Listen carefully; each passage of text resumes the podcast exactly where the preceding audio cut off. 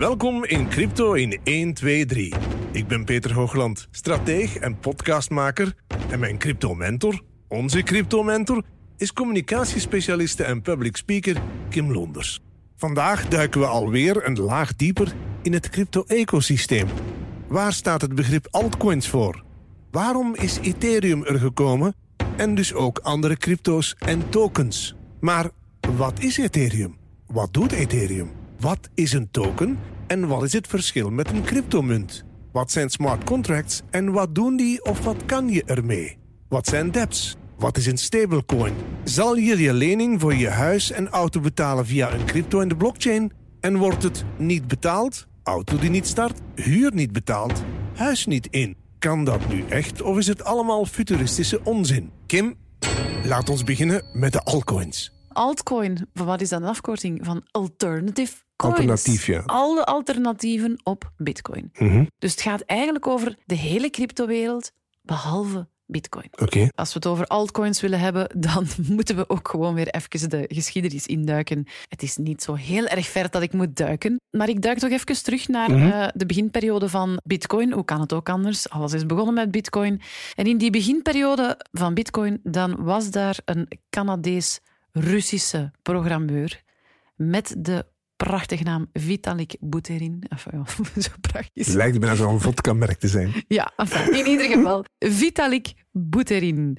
Een jonge gast van 19 jaar die Mhm. enorm gefascineerd was door bitcoin. Ja, En dus bij gevolg ook ging schrijven voor het bitcoin, het online bitcoin magazine. ja. En dus echt wel kring van de ontwikkelaars rond bitcoin zat. En op een bepaald moment doet hij een slimme gast, want het was een slimme gast, het is nog steeds een slimme gast, doet hij een voorstel voor een aanpassing van de bitcoin-blockchain. Ja. Want wat zegt Vitalik? Die zegt van, ja maar jongens, hier kan veel meer met de blockchain als wat dat we nu doen. Op dit moment wordt er alleen maar waarde verhandeld, maar we kunnen wij hier veel meer mee doen met die blockchain. We kunnen hier heel er contracten opzetten en we kunnen hier heel er gedecentraliseerde applicaties gaan bouwen en, en, en hele gedecentraliseerde websites gaan bouwen. Nu, de Bitcoin community was het daar helaas op dat moment Niet niet, eens mee mee. eens. Mhm. En eh, de voorstellen van Vitalik werden verworpen. Maar Vitalik liet het er niet bij. Even in herinnering zeggen, 51% van de community van de Bitcoin blockchain moet akkoord zijn met een aanpassing, wijziging Ja, ja, ja. of een evolutie. Ja. Maar dus, eh, ja, ze waren het er niet mee eens. Het werd verworpen. Maar Vitalik liet het er niet bij. En in begin 2013 is zo'n beetje de beginperiode van Ethereum. Hè. Hij schrijft een, een whitepaper waarin Mhm. dat hij zijn, eh, zijn idee met de wereld deelt. Zijnde, Ja. ik wil een platform bouwen dat developers in staat stelt om decentrale blockchain-applicaties te bouwen en uit te rollen. Mhm. Dat is het idee. Dus niet enkel waarde erop verhandelen, maar een platform wat andere developers in staat stelt om decentrale blockchain-applicaties te gaan bouwen en uit te rollen. Daar springen een aantal mensen op de kar. Er wordt iets later een yellow paper. Ik had er nog nooit van gehoord, maar Nee. er staat dus ook in de cryptowereld een yellow paper geschreven. En een yellow paper gaat dan over al de technische zaken rond de blockchain van Ethereum dan. Er gebeurt ook in 2014 een soort van crowdfunding. Nu noemen wij dat een eh, initial coin offering. Toen, dat was eigenlijk de allereerste initial coin offering. Maar dat is vergelijkbaar met crowdfunding, zoals Ja. we die dan kennen via bijvoorbeeld platformen als Kickstarter, waar mensen dan hun project op neerschrijven. Daar zitten x aantal mensen achter en je kan daar geld gaan insteken. Ja, in de cryptowereld ga je dan tokens in de plaats krijgen. Hè? Dus Ja. het is niet dat je zomaar zegt van ah, ik vind het een tof idee, ik geef er iets voor. Nee, je krijgt er Anders ook iets krijg je voor. aandelen, nu krijg je tokens. Voilà, je krijgt er iets voor in ruil. Maar dus inderdaad, zoiets is het. Ja. En Ethereum was eigenlijk de allereerste initial coin offering. Eh, maar op dat moment bestond die een term nog niet. Dus we noemen het voor nu gewoon even crowdfunding. Mhm. Dus in 2014 gebeurde die crowdfunding. En uiteindelijk dan op 30 juli 2015 is er de start van de blockchain van Ethereum. Nu, wat is Ethereum? Ethereum is in eerste instantie een platform waar applicaties op kunnen draaien. Ether is Ja. de cryptomunt. Die wordt gebruikt als, gaan we zeggen dan, brandstof voor het uitvoeren van transacties en applicaties. Ja, Dus daarmee betaal je als je een transactie of een applicatie wil uitvoeren op de blockchain van Ethereum. Een smart contract is zo'n applicatie. En ik ga direct even induiken op die term smart contract. En één of meer van die smart contracts, die worden samen een gedecentraliseerde applicatie of DApp of Decentralized App genoemd. Wat moet je daar nu bij voorstellen, hè, Peter? Want ik weet, dit is nu weer heel eh, vult jij het even in? Is, abstract. Abstract, ja. abstract is misschien ja, juist het goede woord.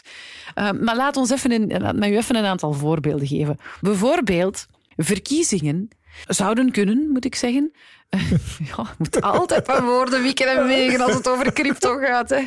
Uh, maar dus online verkiezingen zouden perfect kunnen worden geregistreerd op een blockchain via smart contracts. Ja. Dus ik ga met mijn stembiljet naar een loketje. Ja. Mijn stembiljet wordt daar, weet ik veel, gescand. Op een of andere manier uh, wordt die informatie van op dat stembiljet overgenomen ja. en wordt die op een blockchain gezet. En je weet al van bij Bitcoin, eens op de blockchain, eens bevestigd, is het uniek, kan er niks meer aan veranderen, is het vastgelegd voor eeuwig en Sleutel altijd. is weg, het is dicht, het is afgesloten. Voilà, voilà. Dus dat is bijvoorbeeld al een voorbeeld wat dat er kan met smart contracts en decentralized applications. Een ander ding, registratie van copyright van een boek, een muziekstuk, Mhm. een kunstwerk. Ik kom er later ook nog op terug. Hè? Want voor de slimmeriken die mee zijn, dit zijn NFT's, non-fungible tokens. Maar bijvoorbeeld ook een protocol voor supply chain. Supply chain is voedselketen. Stel, ik kweek mango mango's, ik zeg maar iets, of, of bio-appels. Mhm, hè. Op de blockchain kan via smart contracts worden vastgelegd dat die appel op die boerderij om dat uur door die persoon is geplukt. Dat die appel dan in dat krat met nummer naar een bepaalde, bepaalde opslagplaats gaat. Ja. daar wordt gewassen en eventueel behandeld. Misschien niet als het bio-appels zijn, maar gewassen, weet ik veel. Hè. Dat die dan naar een bepaalde vrachtwagen gaan Ja. dat in die vrachtwagen de gedurende heel die rit de temperatuur 10 minuutjes boven de maximum aantal graden gaat dat die vrachtwagen eigenlijk mag hebben. Dat die dan worden gestockeerd in een bepaald magazijn en dat die vandaar dan worden verdeeld over x aantal winkels. Kan allemaal worden vastgelegd door smart contracts te gebruiken op een blockchain. Er zijn projecten die dit vandaag de dag doen. Ja? Bijhouden van financiële transacties, dat kennen we van Bitcoin, maar het kan veel verder gaan. Het kan ook gaan over leningen, kredieten, hypotheken. Het kan gaan over verzekeringen. Het kan gaan over het kopen van een huis. Dat je anders bij de notaris. Het kan zijn over het huren van een huis. Ja, ook. Een heel mooi voorbeeld is bijvoorbeeld: ik huur mijn woning en ik moet elke maand een bepaalde som daarvoor betalen. Ja. Als ik op die eh, vooraf afgesproken dag en uur Het die som. seconde, ja, minuut. ja, tot op de seconde inderdaad. Ja. Als ik dan mijn eh, huurgeld niet heb betaald, dan gaan automatisch de sloten van mijn appartement Dicht. dicht en kan ik niet meer binnen. Omgekeerd ook, stel ik huur een auto. Hè, kan allemaal, hè, want nu zijn we natuurlijk over applicaties bezig waar dat ook artificial intelligence en the Internet of Things natuurlijk aangekoppeld worden. Maar dat gebeurt op dit moment. Hè. Omgekeerd, ik huur een huurauto. Van zodra dat ik het bedrag voor die huurauto heb gestort, kan ik die auto starten. Eerder niet. En als die periode verloopt en ik heb niet op tijd gestort, dan, Dan sta je aan de kant. sta ik aan de kant, pak ik de app, stort ik. Een Mhm. minuut later kan ik wellicht weer starten. Als dat zo is opgenomen In het smart contract. Eh, ja, in de codering die dan op de blockchain vast ligt, ja, dan kan dat inderdaad. Ja. Dus het is veel meer dan wat er op de blockchain van Bitcoin kan. Enkel daar die verhandelingen. Hier heb je die smart contracts. En wat zijn smart contracts?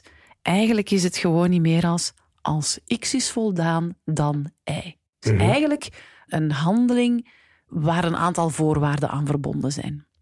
En ik ben voorzichtig, want ik weet dat jij in, makkelijk in de knoop gaat met die term voorwaarden.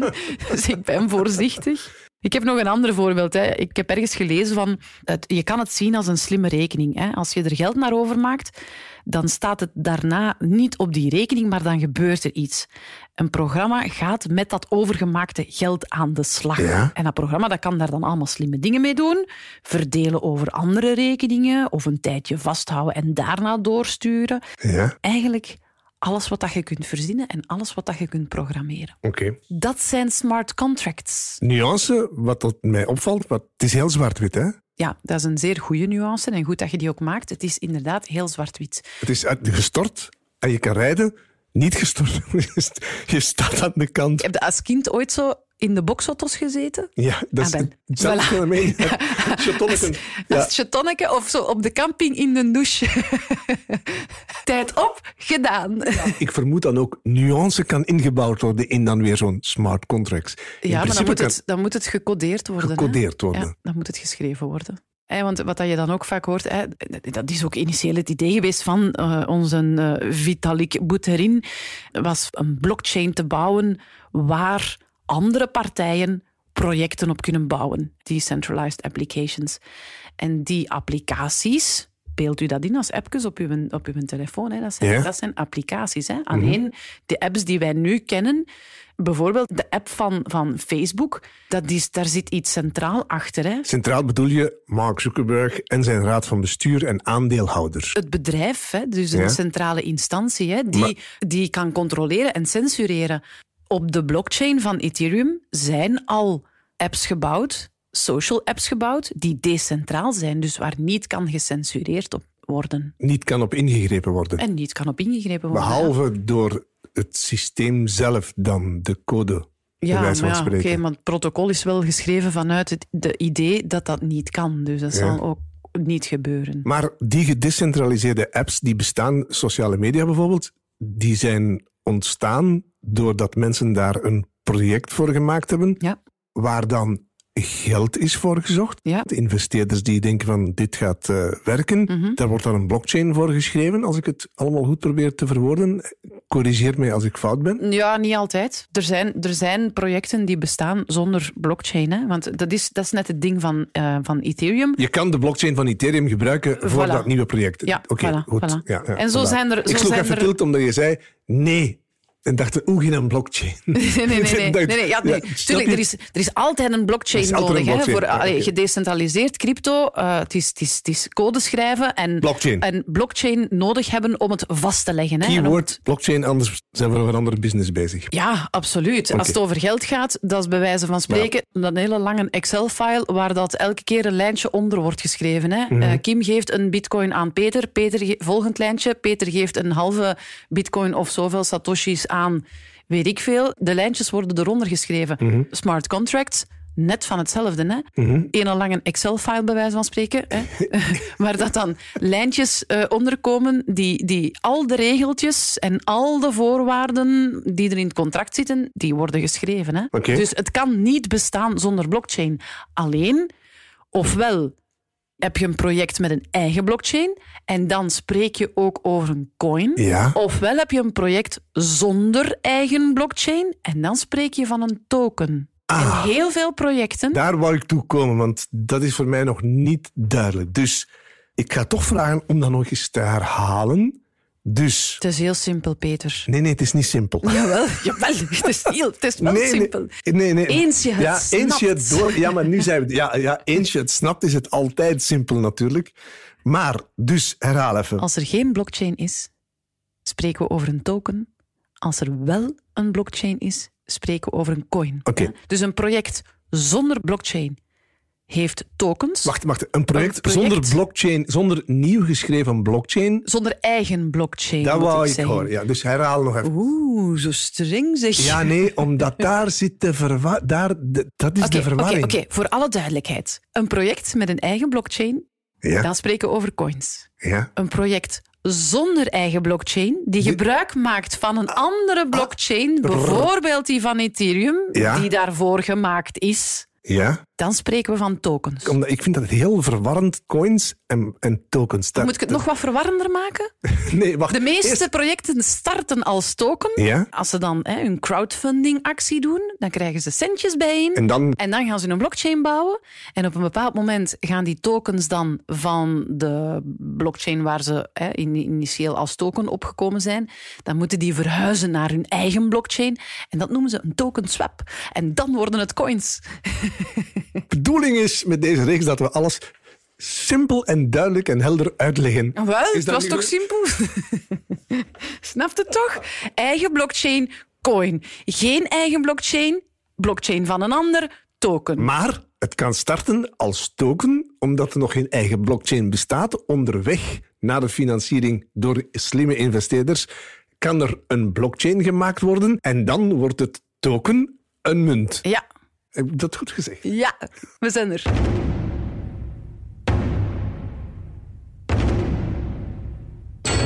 Kim, spel me eens DApps en waar staat dat dan voor? DAPPS. D-A-P-P-S. DApps. Decentralized Applications. Oké. Die, de Ja. de van Ja. decentralized. Ja. En de APP van applicatie.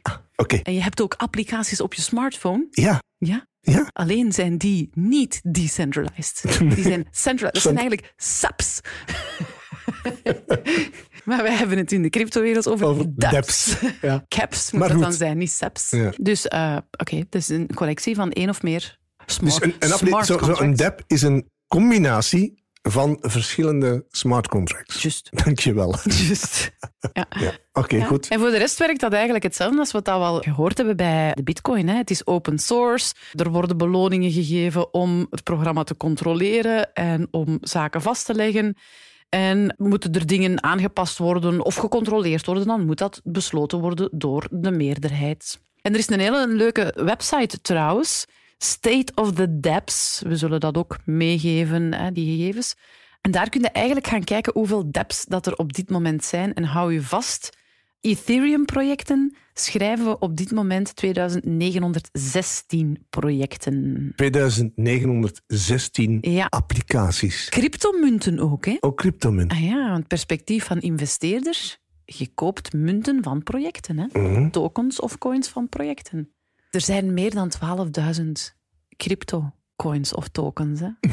Dus, Slik. eh, ja, als we het in een van de volgende afleveringen hebben over hoe kies ik de juiste coin of token. Mhm. Ja, dat is een uitdaging. Hè? Er zijn er op dit moment meer dan eh, 12.000. dat is de naald in de hooiberg. Maar ja, kijk, weet, ik zal u wat voorbeelden geven van dApps. Want eens Ja. dat die dApps er waren en dat het, het, het gegeven van smart contracts er was, dan was de rem eraf. Hè? Dan kwamen al de projecten. Hè? En om u een idee te geven in welke sferen Ja. dat je het kan zien. Hè? Er zijn bijvoorbeeld applicaties rond gaming. Mhm. Ja? Mhm. Er zijn applicaties rond gokken, casino's. Mhm. Er zijn op dit moment al internetcasino's. En van ja, oké, dan gaan we er nu gedecentraliseerde internetcasino's van maken. Maar ook financieel. Er zijn gedecentraliseerde banken, er zijn gedecentraliseerde exchanges, wisselbeurzen waar crypto's op kunnen verhandeld worden. Er zijn gedecentraliseerde verzekeraars. Er zijn gedecentraliseerde media, gedecentraliseerde social media. Er zijn gedecentraliseerde wallets, portefeuilles waar je cryptomunten in kan opslaan. Er zijn gedecentraliseerde marktplaatsen waar onder andere kunstwerken, virtuele kunstwerken kunnen verhandeld worden. Er zijn projecten rond eigendom, er zijn projecten rond ontwikkeling, er zijn projecten rond identiteit, projecten rond energie, er zijn projecten rond gezondheid, projecten rond opslag. Dus bedenk het en het is er. Ik, eh, 12.000 stuks. Ik ga niet niet 12.000 stuks denken. Ik ga me even houden bij een vraag die dan weer boven popt. Gedecentraliseerde bank of verzekering. Dan, hè, ik verzeker mij via dan zo'n... zo'n Via zo'n platform. dat is een platform? website, hè? Dat is gewoon een website. dat is een website, ja. Eh, In de front, hè, hetgeen wat je ziet, Ja, is een website. is een website. Ja. Alleen achterliggend is het gedecentraliseerd. Er zit er- zit een Gedecentraliseerd. blockchain achter. Dus ik ben de verzekerde. Na vier dagen regen, Ah, je bent een boer. ik ben de boer. Oké, je bent een boer, een, een landbouwer. Een landbouwer. ja. En ik heb vier dagen in de regen gehad. Mijn oogst gaat achteruit. Ik heb me er tegen verzekerd. Bij zo'n gedecentraliseerd systeem. Waar komt dat geld dan vandaan? Dat Hoe- komt uit een pool die wordt georganiseerd. Dus mensen kunnen daar coins of tokens, hè, afhankelijk blok, Mhm. eigen blockchain of geen eigen blockchain, kunnen eh, daar coins of tokens in parkeren, Ja, steken ja. noemen we dat. Eh, en daarvoor gaan zij een bepaalde rente uitgekeerd krijgen. Ja, Dus voor hun is het interessant om die coins daar eh, te plaatsen. En ja, voor de persoon die de verzekering neemt, en Ja. dan ook voor. Het, het verschilt niet zoveel van, van hetgeen dat we in de real world kennen. Hè? En degene die de verzekering neemt, ja, die zal daar ook iets voor betalen. Oké, zet die twee eens even, want je hebt in de verzekeringswereld ook gezeten. Mhm. Zet die twee eens dan tegen elkaar een beetje af. Wat is het verschil in dan de crypto, het crypto-ecosysteem bij Heel wijze van simpel, gewoon het, eh, het, het, het gedecentraliseerde versus het gecentraliseerde. Stel, ik neem een verzekering tegen te hete temperaturen of, of net heel veel regen. Dan zal de maatschappij, de centrale instantie, die zal gaan uitkeren als er zich een uitdaging voordoet als er vier dagen slecht of vier dagen goed weer is, als er schade is. Eigenlijk gaat men zelfs, dat is dan weer iets wat je met de blockchain kan.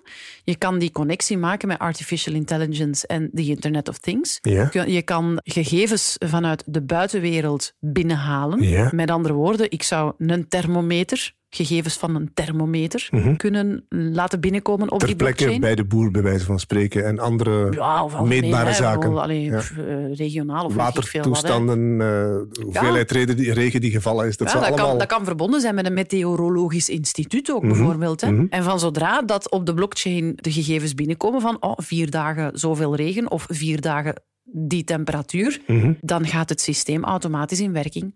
Terwijl bij een klassiek systeem gaat er schade moeten zijn, dan gaat er de verzekeraar gaat moeten langskomen om vast te stellen dat er inderdaad schade is. De expert moet komen De, kijken. ja, de expert komt kijken om te zien of er schade is. Ik wou zeggen, daar wordt dan een beetje over eh, Ja. ge- gebakken lijst. Soms is dat wel zo en dan Ja. wordt daar wel eens over gepraat. Voilà. Heen en, weer gepraat. En, en, en pas na dat proces zal er dan worden uitgekeerd. Mhm. Terwijl op een blockchain, met een smart contract, met een gedecentraliseerde applicatie, het is zwart op wit, hè? het is zo en niet anders.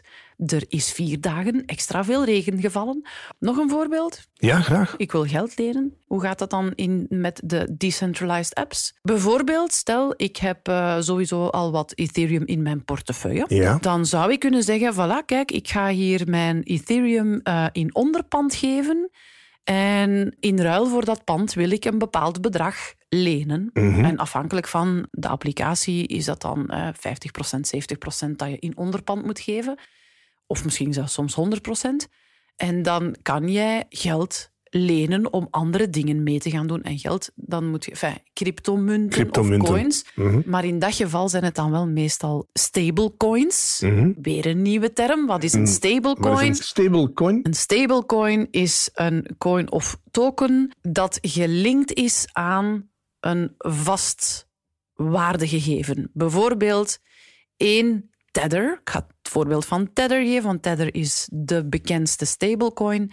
Eén Tether is gelijk aan één dollar. Ja. Als ik dus Tethers, cryptomunten Tether wil kopen, Ja. dan koop ik die ofwel met dollars ofwel met andere cryptomunten. Maar in ieder geval, er zal iets van waarde terugkomen voor hetgene wat ik koop. En Tether, het project, heeft achter de schermen sowieso de waarde liggen. Al dan niet in dollars. Het is gebleken, want dat is een tijdje een vraag geweest van is dat wel zo? Hebben die dat wel liggen? Ja, ja. En sinds, ik denk, maart 2021 publiceren zij regelmatig rapporten. En er is gebleken dat dat niet allemaal in dollars in de kluizen ligt, maar wel in waardepapieren. En dat maakt dat de koers van die cryptomunt, zal ik zeggen, token of coin, hè, maar dat de koers niet zo volatiel is. En die hebben ook ondertussen hun waarde bewezen. Hè? Want er zijn ondertussen wel wat pieken en dalen geweest. En Tether bijvoorbeeld houdt heel mooi die dollar vast. Dat staat in, in contrast tot bijvoorbeeld de bitcoin die dan zeer fluctueert. Tether is daarvoor gemaakt. Tether is met dat idee in de wereld gezet. En wanneer gebruiken mensen Tether? Ja. Bijvoorbeeld om te lenen. Mhm. Een gedecentraliseerd leenplatform. Maar bijvoorbeeld ook, wat je bijvoorbeeld ook gezien hebt, is als een bepaald land het eigenaarschap van eh, een bepaalde coin, zoals bitcoin, verbiedt, Ja. dan zie je dat heel veel mensen, mensen, heel veel niet, hè, maar dat een aantal mensen kiezen om hun bitcoin om te zetten in Tether. Omdat er een zekerheid is. Ja, we hebben het ook over CBDC's gehad, hè? Central Bank Digital Currencies. En ik heb u toen ook gezegd van Amerika, de Federal Reserve, loopt achter op schema als je kijkt naar de andere centrale banken. Want Mhm. Er zijn rapporten van meer dan, ik dacht 75% van de centrale banken is bezig met de ontwikkeling van Central Mhm. eh, Bank Digital Currencies. Net omwille van het feit dat er zoiets bestaat als Tether. En Tether is niet de enige stablecoin, er zijn nog andere stablecoins. Mhm. Dus ja, waarom daar dan geen gebruik van maken? Als ze dat in, in regeltjes kunnen vastgieten. Tot zover deze aflevering van Crypto in 1, 2, 3. Maar aan die stablecoins besteden we nog aandacht in de volgende aflevering. Net zoals aan NFT's. Want wat zijn NFT's? Zijn ze een hype? Waarvoor gebruik je ze? Waar koop je ze? In de volgende aflevering en afleveringen geven we bovendien nog meer duiding over de hele altcoin-wereld en waarom mensen daarmee aan de slag gaan, erin investeren en waar sommigen ook voor staan. Dat en nog veel meer in de komende afleveringen van Crypto in 1, 2, 3. Deze podcastreeks Crypto in 1, 2, 3 is een productie van HLN, Kim Londers, Buitenbenen en Peter Hoogland. Vind je deze podcast goed? Deel hem dan via je sociale media en geef een review via je favoriete podcast-app.